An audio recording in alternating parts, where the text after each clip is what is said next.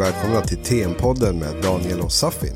Detta är en podd för dig som jobbar inom kundservice och telefonförsäljning mot privatpersoner. I dagens avsnitt ska vi ta upp några lyssnarfrågor som vi har fått in.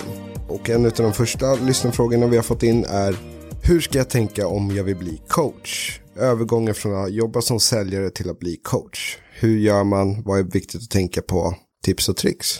Har du något på rak arm Safin? Jag känner mig som en gubbe som alltid har någonting att säga på något. Att åh, jag kommer ihåg året var 1992. Då var det alltså Ja, nej men ja, tyvärr så har jag det. ja, eh, vad ska man tänka på när eh, man vill bli coach eller övergången? Eh, och det här är ju så fantastiskt yrke att jobba inom kundservice och jobba inom telefonförsäljning att eh, vi kan avancera ganska snabbt, att vi går från att vara säljare till att bli coach. Och det många inte tänker på när, när man börjar jobba som säljare det är att det, mitt handlande idag det påverkar bedömningen av den jag är i framtiden. Mm. Och framförallt på samma arbetsplats. Att jag kommer dit och börjar jobba som säljare och eh, min strategi är tyvärr att jag är den här gnälliga personen i gruppen. Åh, vi har så dåliga listor. Åh, det är bara negativa kunder som ringer in. Och att vi kanske inte passar tider, att nej, det, jag respekterar inte mina kollegor tillräckligt mycket för att komma i tid. Mm. Och sen så förväntar jag mig den dagen att jag känner, nej men nu, nu känner jag att jag har någonting att bidra till gruppen utöver bara till mig själv. Och söker en coachtjänst och tror att, ja men det här har kontoret glömt bort. Så det är jätteviktigt att vi är konsekventa i vårt sätt att vara, att jag bara för att jag blir en arbetsledare, coach, teamledare så är det inte att jag blir en annan person. Mm. Utan jag är samma person. Det är bara att det är en annan roll. Mm. Och jag kan redan nu säga, nu ska det inte bli den här monologen, men vi, vi kommer tillbaka till mig sen. Ja. Så, men vad tycker du? eh, ja men... Eh... På rak arm. Och nu, är, nu är Daniel 20 år yngre än mig. Ja men det, det kan ju gå fort eh, när du gör den här övergången också. Och då kan det vara bra och eh, det som vi alltid tjatar om, men läsa. Eh, läsa vad andra chefer gör, vad andra coacher gör. Och mycket läsa gruppdynamik, eh, hur man påverkar individer i gruppen.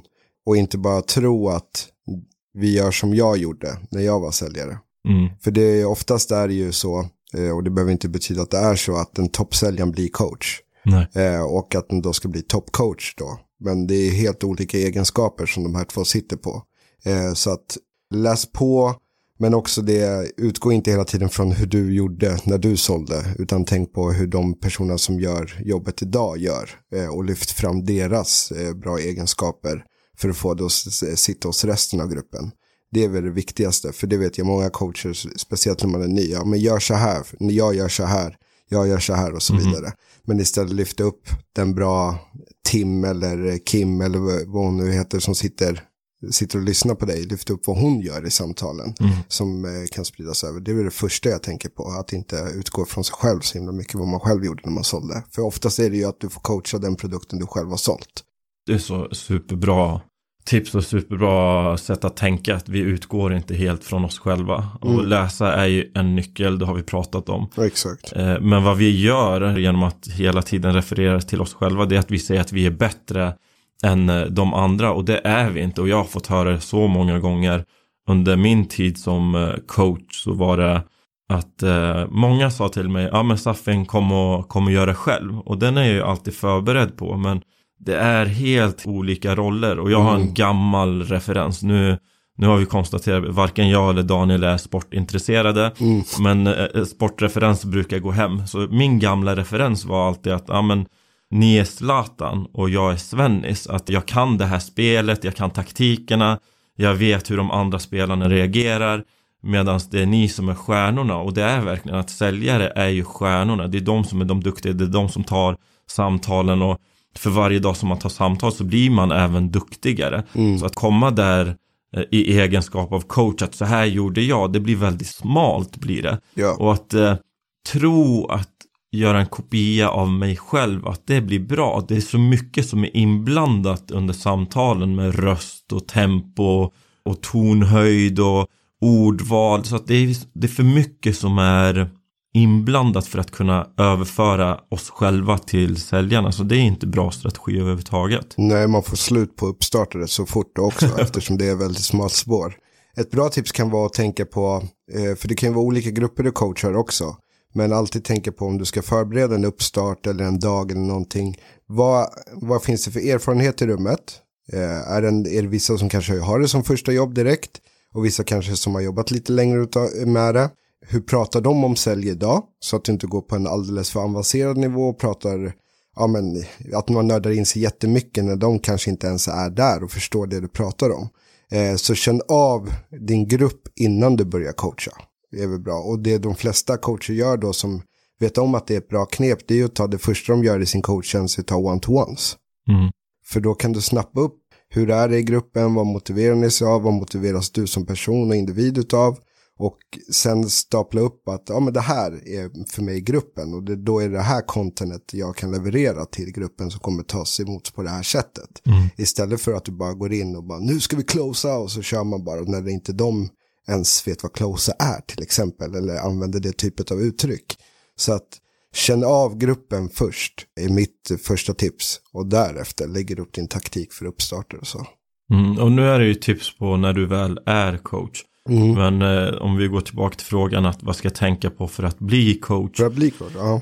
Så är det sköta sig som vi har gått igenom. Och redan som säljare är det att eh, vilja hjälpa de andra. För mig var det många som sa att du borde bli coach. För jag hade alltid viljan att hjälpa andra utifrån min förmåga. Det var inte att de, de kunde gnälla eh, på någon lista eller kunde gnälla på någon coach eller kunde gnälla och då intog jag den rollen att ja men tänk så här och så här tänker jag och det här är mina strategier för att få det att funka. Och då kunde jag få höra att ja men du borde bli coach. Men det är ju även viktigt att säga att man vill bli det. Så mm. det är ju inte någon som kommer plocka upp det att okej okay, nu, nu ska du bli coach utan säga jag har sådana ambitioner och det kan man ju gott säga redan vid intervjutillfället att ah, men jag jobbar gärna som säljare men jag vill gärna bli gruppledare. Så det är sådana ambitioner jag har för då tänker man rätt redan vid första tillfället. Mm. När det.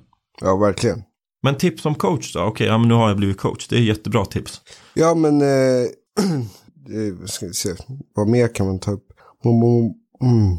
Ja, andra tips som coach, nu får Daniel tänka lite ja. här. så det, andra tips, det finns ju vanliga coachmisstag som man kan göra. Och ett sådant misstag som jag har sett coacher göra det är att eh, de hänger ut säljare offentligt. Mm. Att man trycker ner någon i gruppen offentligt, att man kanske tycker att ah, det där var dåligt och det gör man offentligt. Vi får ju tänka sälj i sådana här sammanhang att gör vi en sån här sak att jag hänger ut någon i gruppen så vad jag gör genom att göra det, det är att jag kommer eh, blanda in prestige i hela spelet. Då kommer den här säljaren att vilja försvara sig på något sätt och då hamnar vi i ett dåligt läge gör vi. Så att det enda vi ska tänka på som coach när vi jobbar i den rollen det är att vi ger beröm offentligt och sen så tar vi kritik privat. Och det är mm. jätte, jätteviktigt att vi tar den kritiken privat och inte direkt efter något känslomässigt eh, läge att det är någon som har varit eh, Säg att du har en säljare som har kommit in sent två gånger och du har pratat med den här säljaren och sen tredje gången den här säljaren är sen då har jag laddat upp att jag blir jätteförbannad då är det ju lyssna först men ta det privat och sen så lugnt och metodiskt så kan det visa sig att den här tredje gången att det var kanske något riktigt, riktigt tråkigt som hade hänt den här säljaren i dennes liv. Mm. Så att man inte gasa på allt vad man kan eh, bara för att det, det är upprepade gånger. Ja. Så den har jag sett i coacher att där kan man fallera. Ja, det, men det var ju som jag var inne lite på i tidigare avsnittet också. Om man blir förbannad att inte ta ut det direkt då. Och det mm. funkar i coachrollen absolut att om det är ett att du känner visst eh, att du är arg på gruppen eller någonting, ta det inte i det läget utan gå tillbaka, reflektera över tankarna, kanske skriva ner det i text eh, och reflektera över det där för då ser du också i text och säger ja men det där låter ju alldeles för aggressivt till mm. exempel. Ta bort det och sen ta det en dag senare. Eh, boka upp ett möte, det här behöver vi prata om. Och så bokar man upp ett möte och så tar man det när man är lugnare sinnesstånd. Liksom. Mm. Eh, och samma gäller ju för agenten då som man ska prata med också, att den kanske är upprusad över någonting eller att det har hänt någonting. Och då är det dåligt att ta det exakt där, utan då bokar man upp ett möte vid senare tillfälle. Är det så att den inte kan sitta kvar i driften får den gå hem och så tar man mötet direkt efter då. Mm. Så blir det på ett bättre plan. Eh, så att reflektera, få ner det i text. Du var inne på någonting det här med att vara i gruppen och den är bra. Mm. Eh, jag kan eh, ge er ett stort misstag som jag gjorde när jag jobbade som coach och det var jag kommer så väl ihåg det att eh, inför det var någon lördag tror jag det var när jag jobbade extra som coach så kom jag in och jag tittade på va, vilka är det som jobbar vad ligger de på för resultat och det var B-laget såg jag det som. Mm. Oj, nej, men de här är de, är, de är inte bra, så tänkte jag tyvärr. Att det är en dålig grupp som jag har nu. De ligger på 0,2 när det kommer till bredbandsförsäljning. Och med den inställningen så coachade jag eh, de säljarna därefter. Jag trodde inte att de skulle klara av jobbet och jag eh, lyckades inte hjälpa dem på något sätt utan det slutade upp med att jag blev jätteförbannad och sen så blev jag så förbannad att jag skickade hem alla att nej men det, det finns ingen mening att vi sitter här och, och säljer. Och jag insåg mitt misstag så att eh, några veckor senare så tittade jag på den här gruppen Eh, det var någon liknande grupp och såg att ja, de här var på 0,2 i resultat och då tänkte jag okej okay, hur ska jag coacha de här individerna för att nå 0,6 eller 1,0 i resultat. Och mina förväntningar var mycket högre nu på gruppen. Och då kunde jag hjälpa den gruppen till att prestera bättre. Så att det här är vanlig fallgrop för oss som coacher. Att, och den har jag hört när jag är runt på olika kontor. Att det är gruppledare som säger att nej det är så många nya. Nej men eh, mm. de är orutinerade eller ja, rekryteringen gör inte ett bra jobb. Att de rekryterar dåliga personer. Att då är vi i det här läget där vi skjuter ifrån oss ansvaret och samtidigt att vi, våra förväntningar är så låga så att då fyller vi ingen funktion som gruppledare om mina förväntningar är där, där säljarna befinner sig eller ibland till och med lägre. Så det är ett misstag som jag gjorde som jag hoppas att ni som coacher inte behöver göra. Utan ha höga förväntningar, det ger resultat. Mm, verkligen. Sen eh, en grej också kan ju vara som jag sett tidigare det är att coachen som är ny tar, om det är en grupp på tio personer, att den bara hänger med topp treorna. Eh, men jag hänger med när jag ger beröm, bara lyfter upp dem som exempel, bara spelar upp deras samtal, bara på de här just topp treorna. De mår ju säkert hur bra som helst och känner sig hur hyllade som helst. Men resterande av gruppen kommer ju inte prestera på den nivån. För den, den suger inte åt sig den informationen. För det enda de för de här är bäst, de här, de här är bäst, de här är bäst. Men istället om du skulle lyfta upp grejer som de gör bra som de kan jobba vidare på och förlänga så kommer du få en starkare grupp i helhet då. Istället för en topp tre och sen att de andra inte mår så riktigt bra. Mm. Och sen blir det oftast att de slutar efter ett tag också, de medarbetarna, för de inte blir hörda eller inte får synas när de verkligen gått in en dag och tänkt på att nu ska jag göra de här snygga avsluten som man har pratat om och så gör man det men så lyfts det inte upp på uppstarten. Eh, och då känns det, varför ska jag ens göra det här? Och så blir det så. Jag tror det är att se hela gruppen hela tiden. Istället för att plocka in det på de som du helst vill att alla ska vara som topp tre då. Ja, vi är ju inte starkare än uh, våra svagaste länkar. Nej, exakt. Är det inte. Och det jobbar mycket med dem uh, i mellanskiktet. Mm. Att uh, få upp deras nivå. För det jag också märkt är att mellanskiktet är oftast de som sköter sig mest. Mm. Eh, alltså som kommer i tid, som är där väl förberedda, och allting men det inte syns högst upp på topplistan men de ligger där strax där under hela tiden och kan de få beröm för det så kommer de sakta men säkert komma upp där också. Men ser man inte dem så kommer de fortsätta ligga kvar där liksom på femte plats. Mm. Det är väl en grej. Men sen också som vi pratade om i förra avsnittet vad du lyfter upp i uppstarter om det är just att det är bara pengar, pengar som det lätt är, speciellt när man är ung. Som vi pratade också så var ju fokus bara pengar, men även försöka tänka på det andra. Eh, men utbildning, vad du lär dig, vad du får för mer fördelar med jobbet. Eh, så att, och också det som jag tycker är viktigast och som jag känner att jag får med mig säljaren mest på när jag pratar om det är vad det kan gynna i vanliga livssituationer. Mm -hmm. eh, men just det som vi har pratat om i TM-podden om en kommunicera i om du är en debatt eller diskussion hur du kan eh, använda tekniker då som funkar där, eh, hur du anpassar in för människor, vilka topics du använder och pratar med. Att ta upp sånt också, för då kommer de se den eh, guldklimpen där när de inte jobbar. Och då säger jag, tänker på, ja ah, men just det, det är han som har fått mig att se det här. Mm. Och då blir det en positiv så då kommer de lyssna ännu mer på dina uppstarter framöver. Och när vi pratar om uppstarter också är ju en viktig tips att förbereda dina uppstarter, ha klara uppstarter. Jag brukade ha, när jag var som nyast, ha fem uppstarter. De som gick hem bra, som jag fick bra resultat på, de jobbade jag vidare på och förlängde så de blev längre. Mm. Eh, men sen hade jag också uppstarter uppdelade i kategorier beroende på när det går bra och vi ska toppa det lilla extra extra, kanske sista timmen, då kör jag den här, då är det en, en historia med, en, med hypat avslut. Eller så är det, nu går det dåligt, nu ska jag få upp den, då ska jag lyfta upp fördelen hos dem så att de ser dem själva och du ska arbeta på det här som du gör det så bra. Eh, så dela upp dem i olika situationer så de kan hamna, för det kommer ju vara situationer där det går katastrof och du inte vet vad du ska göra och då kan det vara bra att ha en go-to-uppstart, just det, det är den här uppstarten. För oftast när du är där och du ser siffrorna på skärmen gå ner, du ser kontakterna gå upp, eh, du ser frustrerade ansikten och när du är i den stressen där och du får ett argt sms från eh, platschefen, vad händer? Då blir det svårt, vad, vad ska jag göra nu? Och då kan det vara så skönt att ha, ja ah, men just det, det är den där uppstarten jag ska köra nu. Och funkar det, då vet du om, då kan du bara jobba vidare på den. Funkar det inte, men det värsta i en sån situation det är väl egentligen bara, ah, shit nu ska jag freestyla upp det här resultatet. Och så går man in och så, då blir det oftast på känsla och då skäller man ut dem istället Ja, och så blir det precis. tvärtom.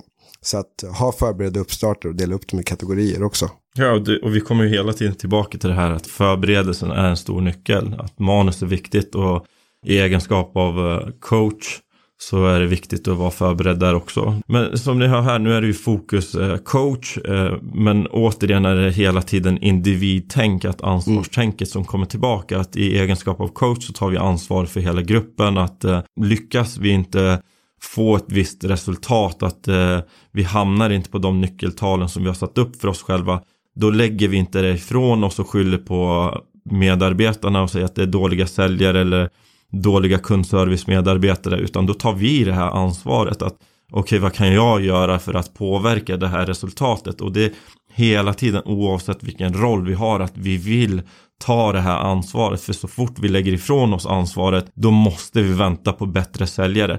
Då måste vi vänta på bättre adresslistor eller vad det kan vara. Så att mentaliteten i grunden är just att ta ansvar kring resultaten. Mm.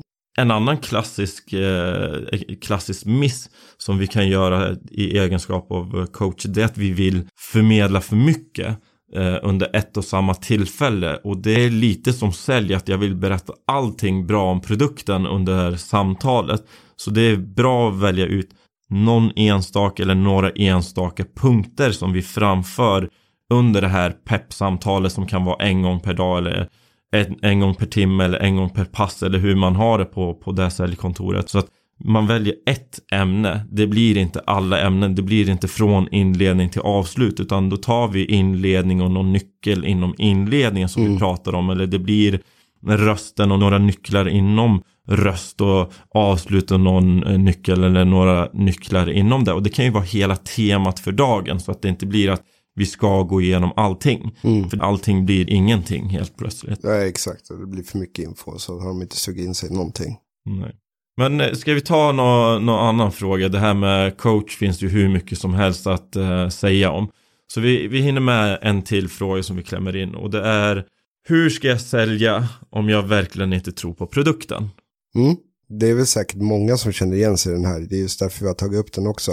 Men eh, det kan vara att du trodde på produkten till en början men sen började inte tro på produkten för du kanske har hört vad kunderna har sagt om produkten. Eh, det kan vara också att du själv som person inte känner att jag skulle aldrig köpa den här produkten. Det är en vanlig grej som jag brukar höra. Och därför vill man sälja en annan produkt. Och där tycker jag väl egentligen att, eh, jag menar, står du i en kiosk så kommer du inte gilla alla tuggummin. Men alla tuggummin ska ju säljas ändå. Tänker jag lite.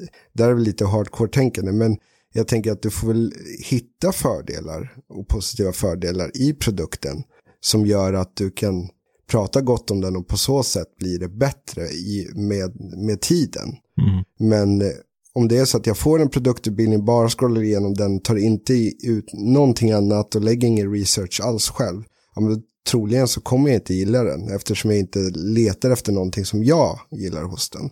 Men om jag börjar göra research mot andra produkter som är liknande kategori och säga, ja men då är faktiskt den här bra. Men då krävs det ju research, annars kommer jag inte kunna jämföra det med någonting. För det märkte jag själv när jag satt på en viss produkt att när jag började tycka om min egen produkt, det var när jag kollade hur de andra produkterna var på marknaden. Och därifrån kunde jag lyfta fördelar. Men det här är ju faktiskt bra. Eh, men hade jag inte som många lätt gör att bara plugga den produktinformationen du får, då ser de inte fördelarna hos sig. Så det är väl det egentligen. Eh, och är det så att du är på ett arbete, då finns det ju säkert att du kan, som vi har pratat om, att telemarketing kan du gå upp snabbt i position eller utveckla dig själv. Och då säga, vad krävs det för mig på den här produkten att jag ska prestera under en viss tid för att kunna söka vidare till det där projektet till exempel. Så att du har ett mål i så fall. Eh, och då kan det kännas lättare att jobba med just den produkten som du kanske inte tycker är så helt kul liksom. Nej. Men jag tror oftast när du börjar, att du börjar med de enklaste produkterna. Sen avancerar du och då, desto mer du avancerar så blir det roligare och roligare produkter som du känner att du själv skulle kunna köpa. Eh, men det börjar alltid någonstans och jag tänker, lär du inte den enkla försäljningen som kanske inte är så roliga produkter, då kommer du ha riktigt svårt om du skulle bara hoppa över det och komma till de här svåra produkterna, även om de tilltalar dig jättemycket. Ja, det säljer inte produkten. Exakt. Nej, men det är klart, vi kan inte tycka att alla produkter är bra och det som eh, Daniel säger så ska vi se vad som är bra med produkten som vi ska förmedla och kan vi verkligen inte se någonting som är bra med produkten eller tjänsten då tycker jag personligen att, nej men sälj inte då den om du tycker att det här är att jag ska sälja cigaretter när jag absolut inte kan finna någon som helst bra egenskap med den här produkten. Då får vi gå tillbaka till oss själva att nej men jag gör inte det. Mm. Eh, och har vi inte valet att ta något annat jobb och så, då, då behöver jag ändå se vad som är, vad är det för, vad är det som är bra med de här produkterna, att vi måste finna det. Och risken eh, som Daniel lyfter upp, det är ju att när vi sitter och ringer eller när kunder ringer in, det är att vi vi får en viss bild och då är oftast den negativa bilden vi får om produkten eller tjänsten. Att sitter jag på kundservice så ringer oftast kunder, de ringer inte in för att säga wow hur fantastiskt bra säljarna har varit, de har jättebra försäljning. Utan de ringer ju oftast in när det är någonting som inte har funkat. Och då om jag inte ser till att vi påverkas av vår omgivning och eh, omgivningen blir mängden gånger som jag hör att någonting är dåligt eh, då kommer jag hamna i den här gropen att jag inte kommer tro på produkten.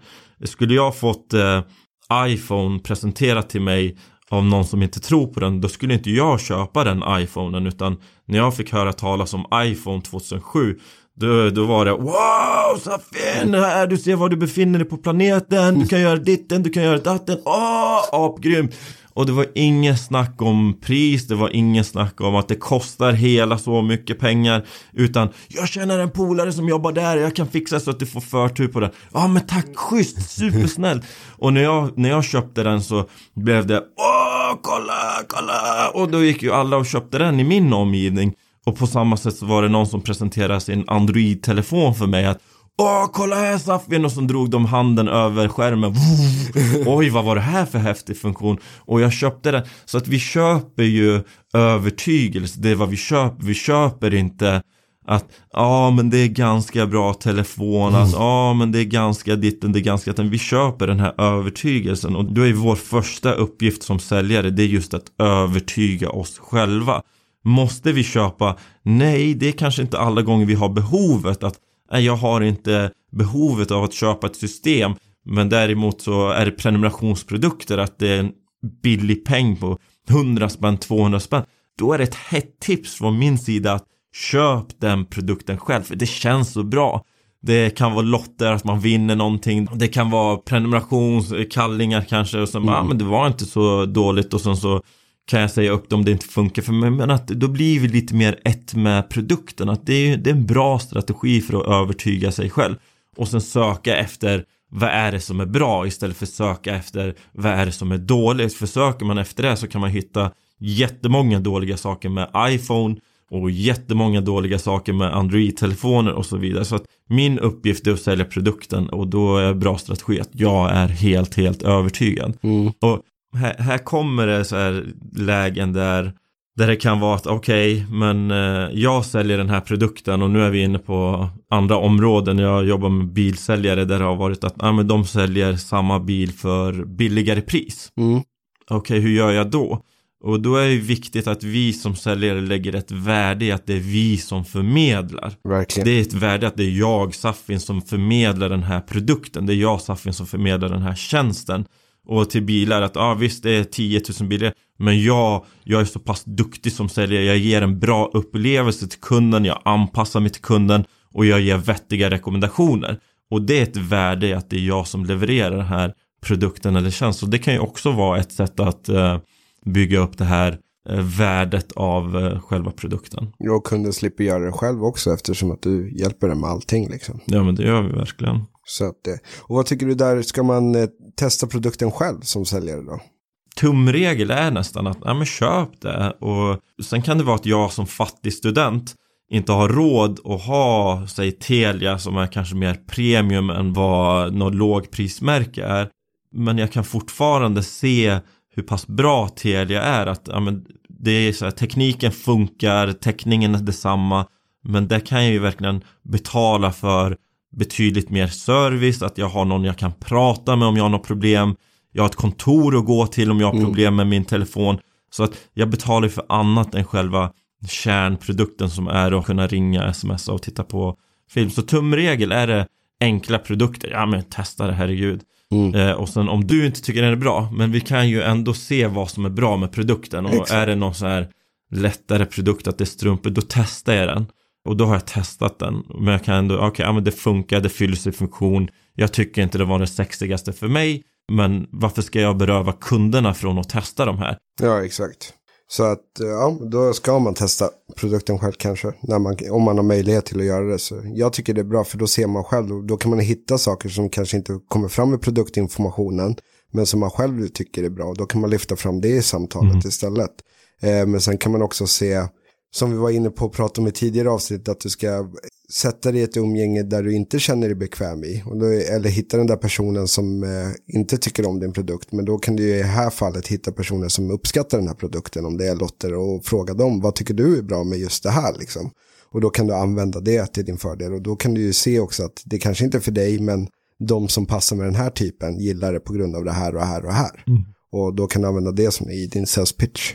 Ja, och det, nu är vi på här, de enklaste produkterna där vi testar med är det till olika mobilabonnemang då är det mycket behov som är mm. i grunden så här, vad har den här personen för behov och mitt behov det är att surfa väldigt mycket men jag kan inte gå och testa alla produkter eller alla telefoner och sånt men det är någonting som jag testar och då kan jag när jag ger rekommendationen kring det jag har testat göra det med mer eftertryck. Mm. Att det är som när vi går in till en restaurang och sen så kan jag ställa frågan, ja men är fisken god? Och då, då är det vissa som har ätit fisken, ja, den är fantastisk, den är superbra och då köper jag gärna fisken till lunch. Men kommer jag dit och sen så säger de att Du får testa den själv. Ja, precis, du får testa den själv. Och där finns det ju duktiga som har de inte ätit den själv så är de så pass vassa så de säger alla kunder som har ätit idag tycker den är fantastisk. alltså om de tycker det, eller hur? Ja. Eller alla kunder som har ätit den idag, det har inte varit en enda rest kvar på deras tallrik så jag tolkar det som att det är bra fisk idag. Ja. Kan det ju vara också ja. så att man ändå ser det positiva med det. Mm. Eh, och är det så att man har sett att det är mycket rester och sånt så kan man vara ärlig här också att eh, ja men jag skulle kanske inte rekommendera fisken idag utan jag rekommenderar köttet. Jag, jag åt den själv och jag tyckte den var väldigt bra så att då kan man styra dem dit utan att säga fisken är dålig utan styra dem till att ja, men jag tycker det här är bra. Och då är det i läget från att jag är auktoritet i det här sammanhanget och mm. förmedlar det här tipset. Den effekten har man när man testar produkter själva, att experten har talat. Exakt. Och experten tycker det här. Och då brukar folk köpa och folk brukar lyssna på experter helt mm. enkelt. Jag brukar säga tips från coachen. Om du ska ta ett tips från coachen. Det kommer jag ihåg att när jag sålde ja. fast till kunden då. Så de bara, ah, vad är tipset? Ja, men det gör så här på det här sättet. Så, ja, men exakt. Så mm, då blir den nöjd och sen också så blir det verkligen expertstatus på dig. Ja, det är, vi är ju experter i det sammanhanget. Om jag sitter på bredband eller sitter på telefoni, då är det jag som är experten. Det spelar ingen roll om den som har ringt in har titeln professor i matematik och ringer in. Det är same same, utan det är jag som är experten i, inom det här området. Mm. Så att vi skräms inte av att ah, det är någon som ringer. Så jag kan min grej här och då kommer jag mina rekommendationer utifrån eh, min expertis. Ja, exakt, och den experthjälpen får man ju inte om man handlar den direkt från sidan. Nej, så där ligger ju mycket, mycket mer värde i det. Jag tror inte vi hinner någon mer fråga. Så att, vad ska vi tänka på som eh, coach? Det var att... Kom i tid, mm. förbered dina uppstarter. Utgå inte bara från dig själv och hur du själv gjorde utan se till gruppen. Och se till gruppens kompetens beroende på vart du lägger dina uppstarter och hur de lägger dem. Men vara förberedd i det överskridande av allt det. Precis, och det konkreta när det kom till till att tro på produkten när vi inte tror på produkten det var att eh, vi skulle finna vad som är bra med produkten även om vi själva inte köper den. Yes. Utan vad, vad, finns det som är bra med den här produkten? Vad är det för funktion den här fyller till behov som finns i samhället? Och är det, tar vi något så enkelt som lotter så att okej, okay, då kan vi ju tänka att okej, okay, säljer inte jag det här så är det dåliga lotteri eller kasinoverksamheter som kommer sälja för att det finns tydligen ett behov om det här att x antal tusen per individ som läggs på att spela så säljer inte jag så är det någon annan som säljer så det kan ju vara ett sätt för oss att tänka okej okay, det här är bra i förhållande till andra. Mm. Kanske inte alla men andra. Exakt och är det så att du pratar med en kund som har en nöjd kund eller kundupplevelse med produkten ställ frågor som du kan använda till dina argument sen. Mm. Vad är det som just den gillar med just den produkten? Nu blev det långt avsnitt, vi får klippa ihop det. Så. Ja, vi klipper det sen. Eh, har ni några frågor eller några fler eh, lyssnarfrågor som vi, ni vill att vi tar upp i kommande avsnitt? Hej och nu finns vi där poddar finns. Tack för oss. Tack så mycket. Oh, det blev ett babbelavsnitt. Vad sa du? Ett det här är babbelavsnittet? Jag bara babblar på. Ja, herregud. Men de två andra blev mycket bättre. Ja.